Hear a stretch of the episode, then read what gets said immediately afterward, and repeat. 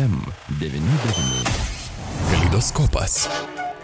Sveiki, gyvi brangus FM99 klausytojai, su jumis ir vėl pasisveikinsiu aš Eglį, linkėdama geros dienos, gerų orų ir gerų orų linkiu ne šiaip savo, čia FM99 studijoje vieši Gytis Valaika, laba diena Gyti.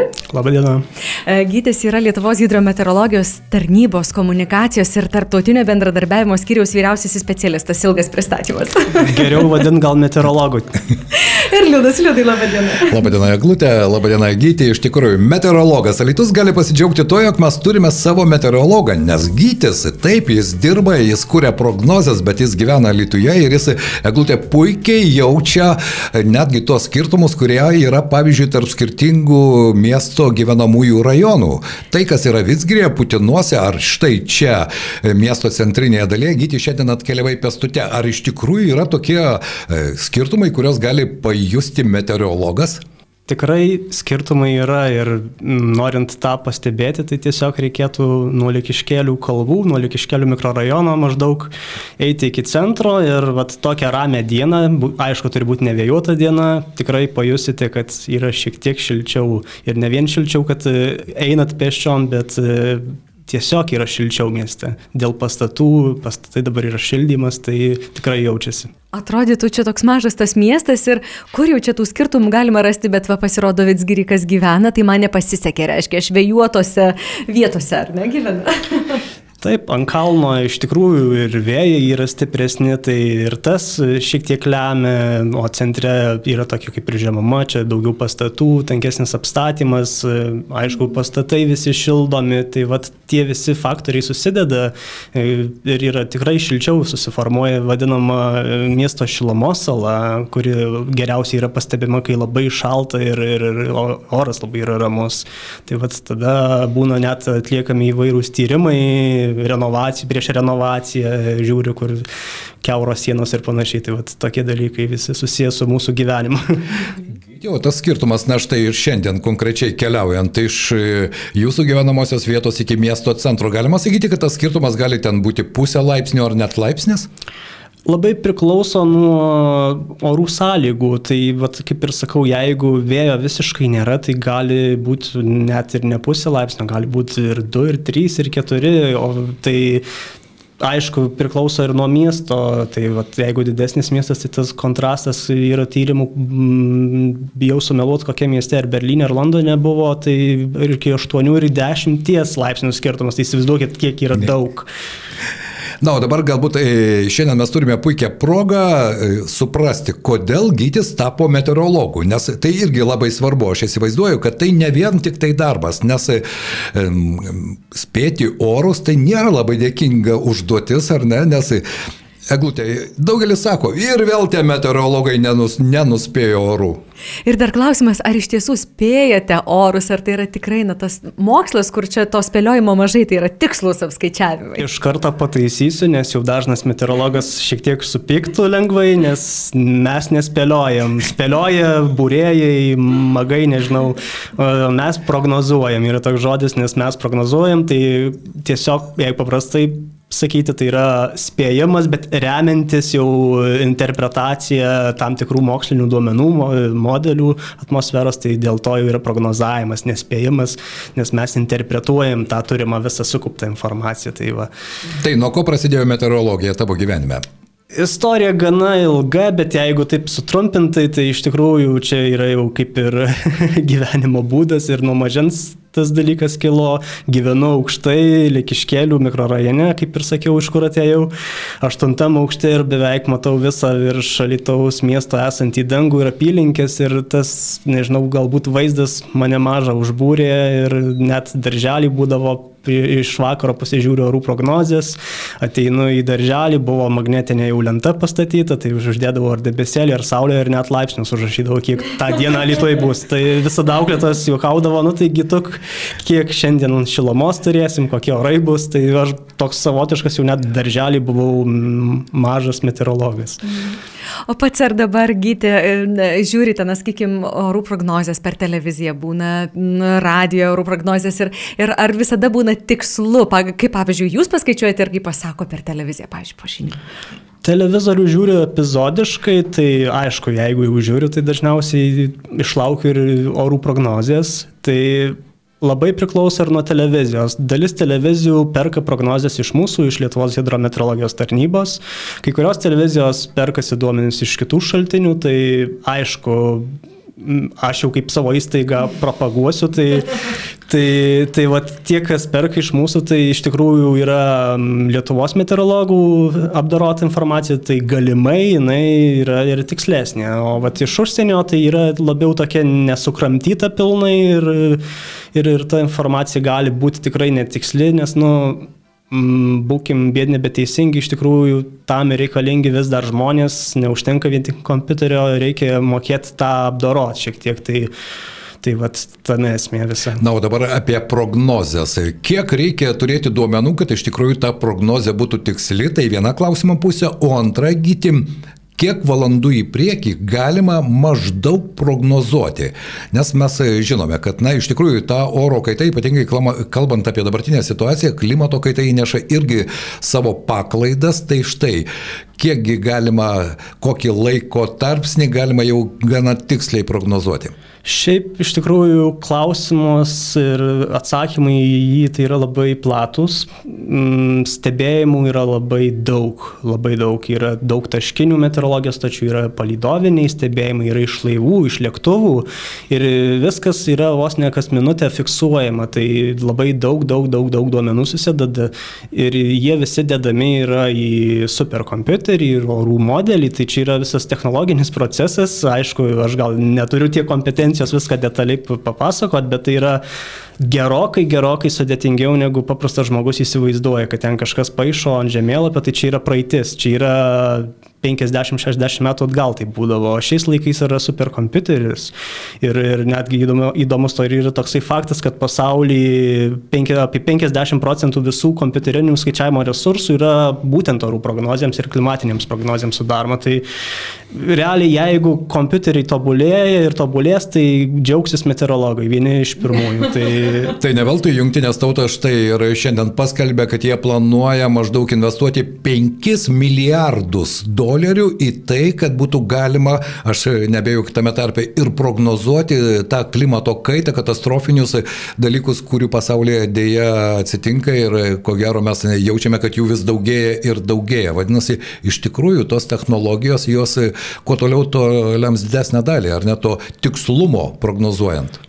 Taip, taip, aš bent jau asmeniškai labai tikiuosi, kad dar man gyvam esant atsiras kvantiniai kompiuteriai ir labai tikiuosi, kad jie tikrai padės, nes, nu, va, tarkim, dabar e, irgi retas žmogus tą žino faktą, kad, tarkim, jeigu aš va dabar surinku visus meteorologinius duomenis iš visos planetos, visus palidovinius ir taip toliau, tai jeigu aš dabar paleisiu superkompiuterį ir kad jisai orus suskaičiuotų, paprastai sakant, tai užtrunka tas suskaičiavimas, visas apdorojimas bent šešias valandas. Tai įsivaizduokite. Tai superkompiuteriui, tai kurio greičiai ten kosminiai taip, greičiai. Ten. Taip. Jeigu tik Lietuvai skaičiuojam regioninius modelius, tai užtrunka apie valandą. Tai irgi galite įsivaizduoti, aišku, mūsų Lietuvoje lėtesnis, mažiau resursų, bet įsivaizduokit, kad tiek daug užtrunka, tai jeigu nereiktų lauktų šešių valandų, tai iš esmės tikrai prognozijas pasidarytų tikslesnės, jeigu vietoj šešių tektų laukti vieną arba dvi valandas. Tai... A, tai štai mes ir įsiaiškinom priežastį. Vadinasi, šešias valandas reikia apdoroti, per tą laiką jau kažkas pasistumė ir todėl kartais tos prognozės ne visada atitinka dabartinį, dabartinę akimirką, ar ne? Taip, paprastai sakant, jeigu aš va dabar va, pusę pirmos sudarau prognozę ir jinai realiai tik tais, mano sudaryti skaičiavimai išeis tik tais vakare, vėlai apie 9 vakaro, tai įsivaizduokit, kiek reikia laukti, kad tai jau tie duomenys iš esmės spėja pasent ir, ir tas tikslumas yra mažesnis, bet jeigu aš galėčiau, tarkim, daug greičiau tą padaryti, tai iš karto prognozijas bent, bent kažkiek jos tikrai patikslėtų, nes, na, vat, mažiau laukimo būtų. Tai ir kiek tada gytiva, Liudas labai gerą klausimą uždavė, kiek į priekį galima įsivaizduoti, kad tos prognozijas tikslios, nes tikrai mes, kai planuojame, pavyzdžiui, išvykas keliones, ten atostogas kažką, žiūrim mėnesį į priekį, kas ten prognozuojama iš tiesų. Vėlgi čia būtų gan plati kalba apie tikslumą, ką laikom tikslu ir netikslu, tai bet jeigu irgi per daug nesiplečiant, tai mes visada sakom, kad iki trijų parų yra tiks, labai tikslu, taip maždaug imant, o iki penkių yra tikslu. Nu, tai vad iki penkių galima dar porų pasitikėti į priekį, o kas jau toliau, tai reikėtų jau labai labai labai atsargiai vertinti. Aš dar, jeigu būna, sakau, jeigu žmogus tikrai nori žiūrėti labai į tolį, tai septynios, nu gal dešimt porų, bet jau labai reiktų nežiūrėti į laipsnius, o maždaug į tendenciją, bus šilčiau, šalčiau. Tai vad Tiek be konkrečių skaičių. Be konkrečių skaičių, nu, tai sakykime, 5-7 dienos, taip vidutiniškai vis. Gytė, Lietuvoje mes turime vieną automatinę meteorologijos stotį. Taip. Na, pietų Lietuvoje nežinau, kiek jų yra, žinau, kad Varenoje liktai yra, kiek mes jų turime čia pietų Lietuvoje, kiek tų duomenų iš tikrųjų objektyvių pasiekia jūs. Tai Alitoje taip turim vieną stotį, bet dar yra ir daugiau yra stočių, kurios nepriklauso Lietuvos hidrometeorologijos tarnybai. Tai aišku ir tuos duomenis matom, yra kelių stotelių, kelių mhm. stotelės meteorologinės, tai va čia kelių direkcija turi ir jas dar atnaujint žada ateinančiais metais ir naujų pastatys, tai visus tuos duomenis. Tai jūs, tai jūs gaunat visą informaciją. Taip, sinoptikas tą gali matyti ir aš galiu matyti kaip meteorologas pasižiūrėti visada tą informaciją, tai tų taškinių yra tikrai nemažai, bet jeigu imt mūsų stateles, tai irgi turim pakankamai nemažai, bijau suklyst, virš 50 tikrai turim, bet aišku, dar ten yra skirstimai, yra vandens matavimo stotys, kurios ir temperatūrą irgi matuoja, tai čia žiūrint, kaip pjausysim tą matavimų piragą visą, tai, tai bet turim tikrai nemažai ir dar aišku vis būna galvojam, kur dar galėtumėm pastatyti, žinoma, įranga nemažai kainuoja, tai irgi reikia labai vertinti, kad ta stotelė kuo didesnę teritoriją reprezentuotų tie matavimai, tai va, čia tokius dalykus klimatologai jau. O sprendžia. kuo skiriasi sinoptikas ir meteorologas? Meteorologas tai yra sakykime, plati savoka, sinoptikas jau yra kryptis šaka meteorologijos, tai klimatologija jau apie ilgą kažkokį laikotarpį, sinoptikai apie trumpą. Tai būna sinoptikai netgi ir pyksta, kad jeigu klausė, kokia bus žiema, tai jau čia klausimas adresuotas tikrai ne jiems turėtų būti. Sinoptikas gali kalbėti maždaug, kaip ir sakiau, iki 5-7 dienų ir nedaugiau. Klimatologas, tai jau jeigu norim kažkokių tendencijų sužinot, klimato kaitos, ar ten žiema kokia maždaug galėtų būti, tai reiktų jau klimatologą. O ir tarp kitko, aš pagal e, mokslus baigtus, pagal savo darbus, ką rašiau, tai esu labiau toksai ir klimatologas. O, vadinasi, mes galim sužinoti, ar ne, Eglutė, kokios bus artimiausios penkios dienos, koks bus gruodis, kokia bus žiema, apie pavasarį dar kol kas nekalbėkime. Gerai, kad pasižiūrėjau iš tikrųjų. tai artimiausios dienos bus iš tikrųjų šiltos, dienomis sušils iki 8-13, 9-14 laipsnių. Na, bet dabar lapkritis, tai Nereikėtų tikėtis, kad bus e, saulėta, vyraus e, cepelininis dangus, pilkas, tai, bet bent jau šilta, kaip šiam metų laikui tai yra tikrai labai šilta, galima netgi pavadinti lapkričio kabutėse karščiais, e, bet, bet vat, kitoj savaitė jau turėtų būti atvėsimas, bent kol kas orų modeliai skirtingi tą rodo, kad kitos savaitės galbūt viduryje ar pradžioje jau gali šiek tiek atšalt. Bet ar ilgai tas, ar čia bus labai stiprus atšalimas, kol dar nėra aišku, ar, ar sniego irgi tikrinau visus duomenis vis dar nėra, tai iš dalies galim ir džiaugtis iš, iš energijos taupimo ir, ir, ir mokesčių visų, bet iš kitos pusės tai irgi parodo, kad ir klimato kaitos visus šitus dalykus, kad sniegas metai iš metų vis dažnai, kad jisai vis vėliau pasirūpėja. Trumpėja, taip, laikas, taip, taip. Ir to žiemos, kaip ir esu rašęs Alito, irgi, irgi trumpėja, mes nesame išskirtiniai. Tai žinau, kad klausytojai klausytojai turbūt ir nori ir apie Kalėdą sužinoti, tai Taip. aišku, dabar apie to, tokių skaičiavimų negaliu pasakyti, nes aišku, jie tikrai neišsipildys, bet tendencijos yra tokios, kad labai didelė tikimybė, kad tas šventės bus besniegės. Iš tikrųjų, nuliūdinsiu, bet tokia tendencija. Tai iš tikrųjų klimato kaita, ką mums daro Lietuvoje, tai iš mūsų atima baltas šventės. Tai...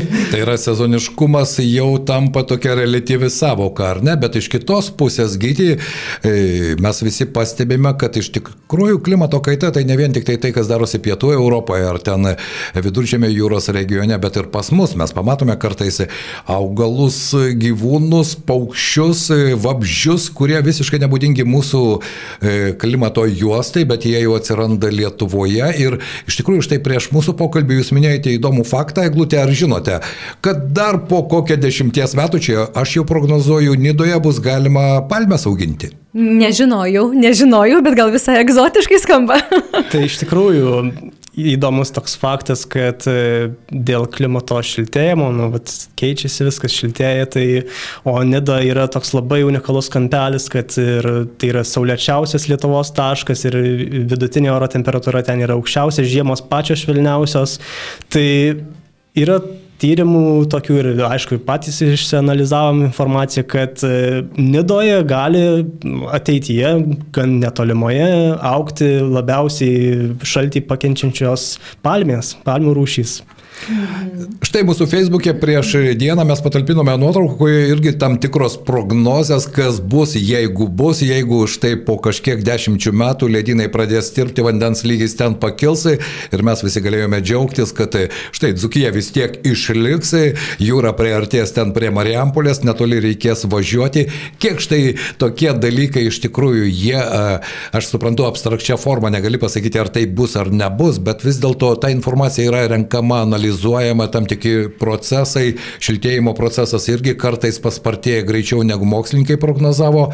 Kaip gyti matai tą, na, bent jau 50 metų perspektyvą?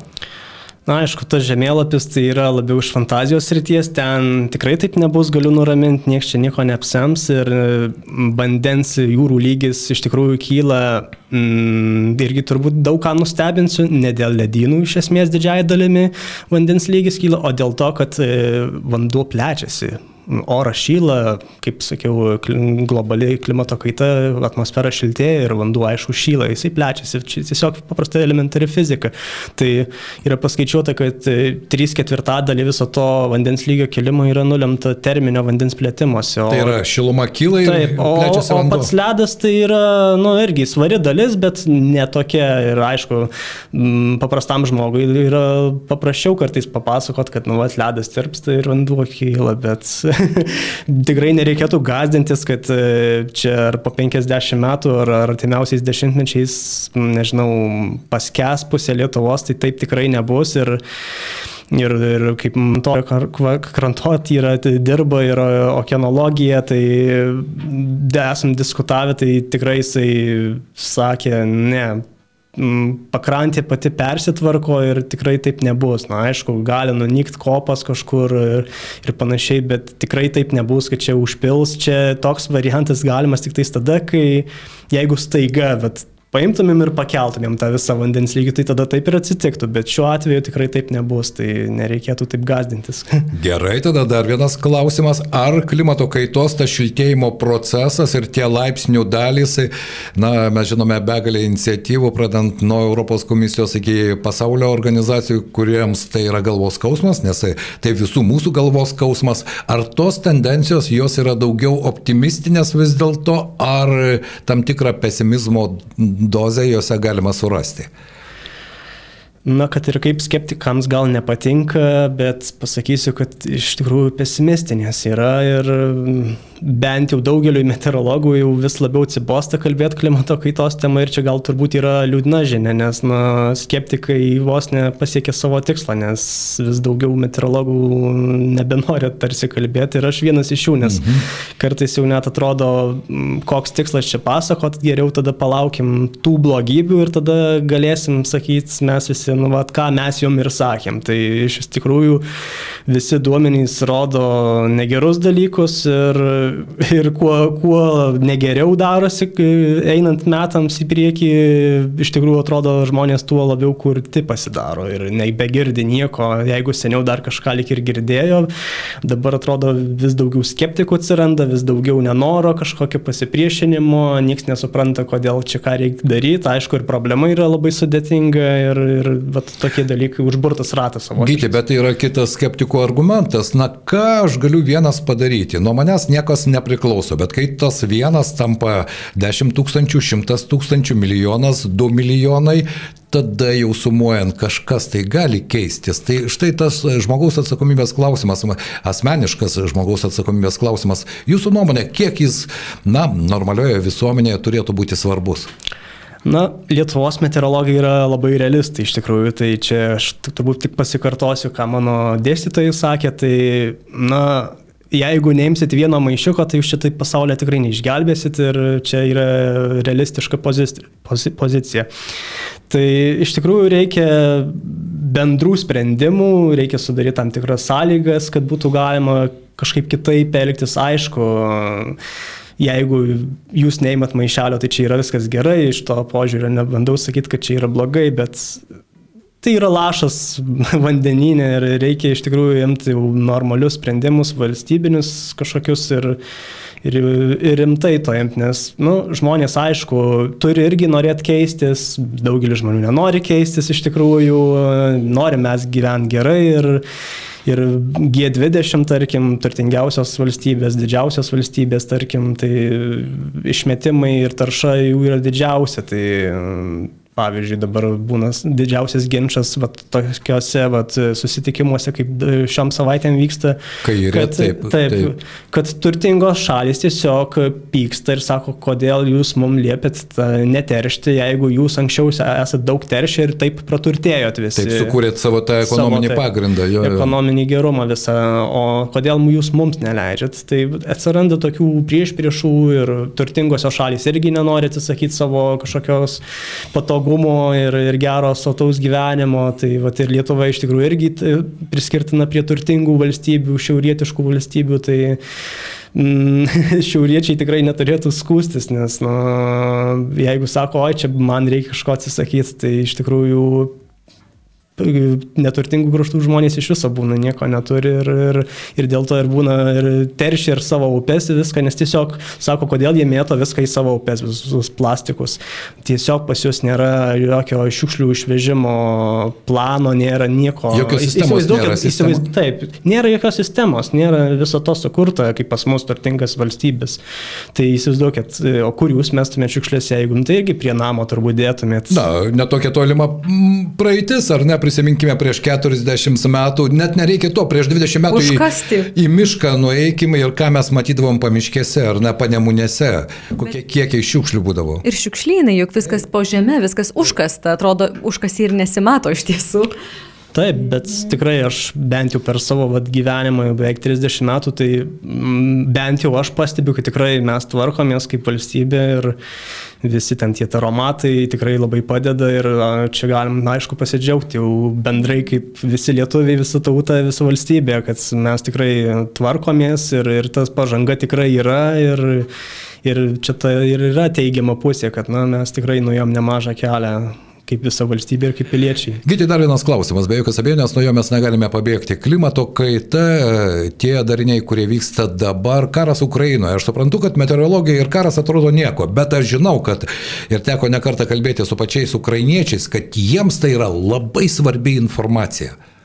Taip, Tai aš rašiau e, savo orų blogę Facebook'e Orai klimatas Lietuvoje, irgi ir apie Ukrainą esu rašęs, apie meteorologijos statis, apie palidovus, kaip ten sutemo viskas. Tai tikrai ta informacija yra labai svarbi ir nuo spalio berods 19 jie tos meteorologinės informacijos nebeteikia, nėra aišku, ar jie įslaptino tą informaciją, nes tiesiog dabar tuščia vieta virš Ukrainos yra, jokių meteorologinių duomenų mes neturim ir, ir nėra aišku, ar dėl Rusijos atakų dalis stačių atsijungia, ar, ar, ar, ar jie turi tuos duomenis, bet iš tikrųjų informacija yra labai svarbi. Tai visada bet kokį karą dažniausiai lydėdavo ir tai, kad reikia įkurti kažkokią meteorologijos stotį, reikia sunaikinti priešo meteorologijos stotį, tai vat karas ir meteorologija tai... Labai glaudžiai susiję. Labai yra. glaudžiai susiję ir meteorologijos tobulėjimas buvo daug, galima sakyti, didelį dalim paskatintas karų. Ne. Pačios e, taip, prognozavimo taip. technologijos, ar ne?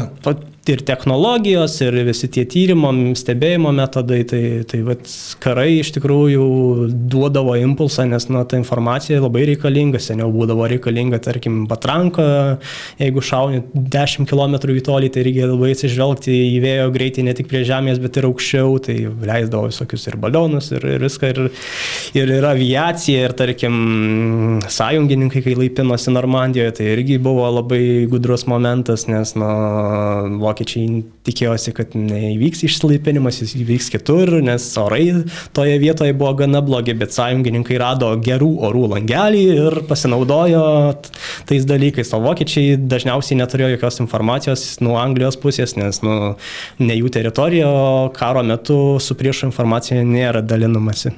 Na štai, kokie įdomus aspektai. Ir mano paskutinis galbūt klausimas, Gyti, ko reikia norint būti geru meteorologu?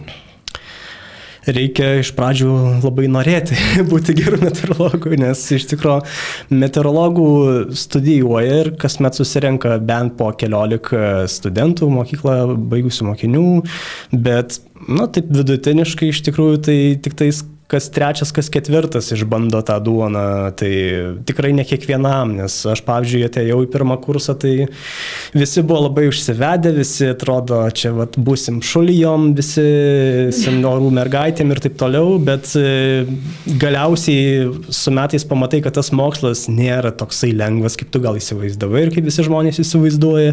Viskas yra gerokai sudėtingiau, mokslas yra savotiška, nežinau, filosofija ir labai labai gilus. Ir labai daug šakų, nes, nu, O kur yra oras, ten yra ir meteorologija. Net ir šitoj patalpoj, kur mes sėdėm ir kalbam, irgi yra mikro patalpų meteorologija, būtų galima patalpų analizuoti. Tai žodžiu, labai daug šakų ir kai žmogus pamato, kad čia tiek daug ir galbūt aš ne viską apriepsiu, ne viską suprasiu, tai kažkoks vienu, vieniem atmetimas gaunasi, kiti dar labiau užsikabliuoja, tai aš užsikabinau dar labiau ir aš taip pat tapau. Tai žodžiu labai daug nori ir reikia gilintis į kažkokią sritį, meteorologiją konkrečiai.